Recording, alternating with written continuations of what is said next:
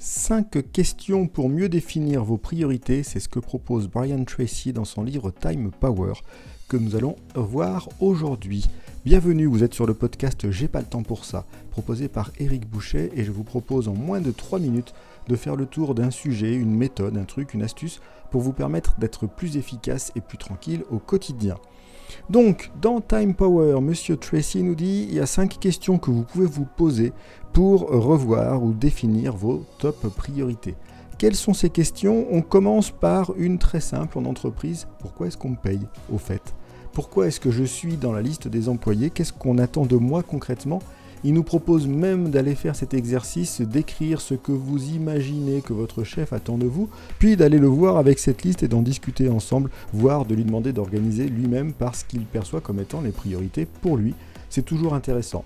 Donc première question, pourquoi je suis là ou pourquoi je suis dans l'entreprise? Deuxième question, quelles sont les activités que je fais qui apportent le plus grande valeur? Quelles sont celles qui vont contribuer le plus euh, au chiffre d'affaires, à la marge et l'efficacité de l'entreprise, que je puisse me concentrer là-dessus.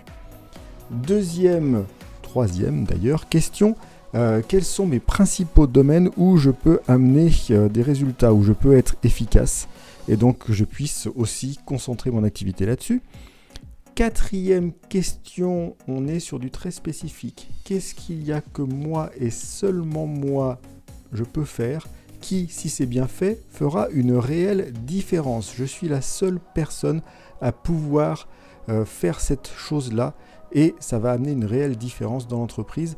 On n'est pas très loin finalement de la définition, d'une des définitions de l'important dans la matrice Eisenhower, dans le sens où il y a vraiment que moi qui peux le faire, je ne peux pas le déléguer et c'est là où je peux être le meilleur.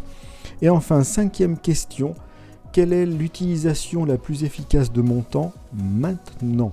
On est sur, j'ai pas le temps pour ça, donc vous êtes en train de passer 3 minutes à m'écouter.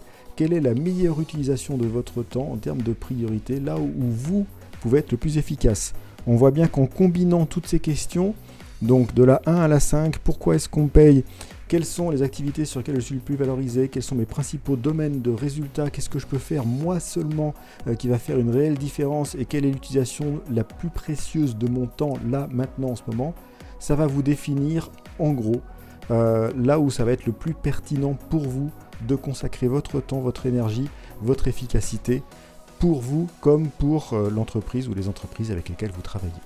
Voilà en moins de 3 minutes les 5 questions proposées par Brian Tracy pour décider sur vos priorités dans le podcast J'ai pas le temps pour ça.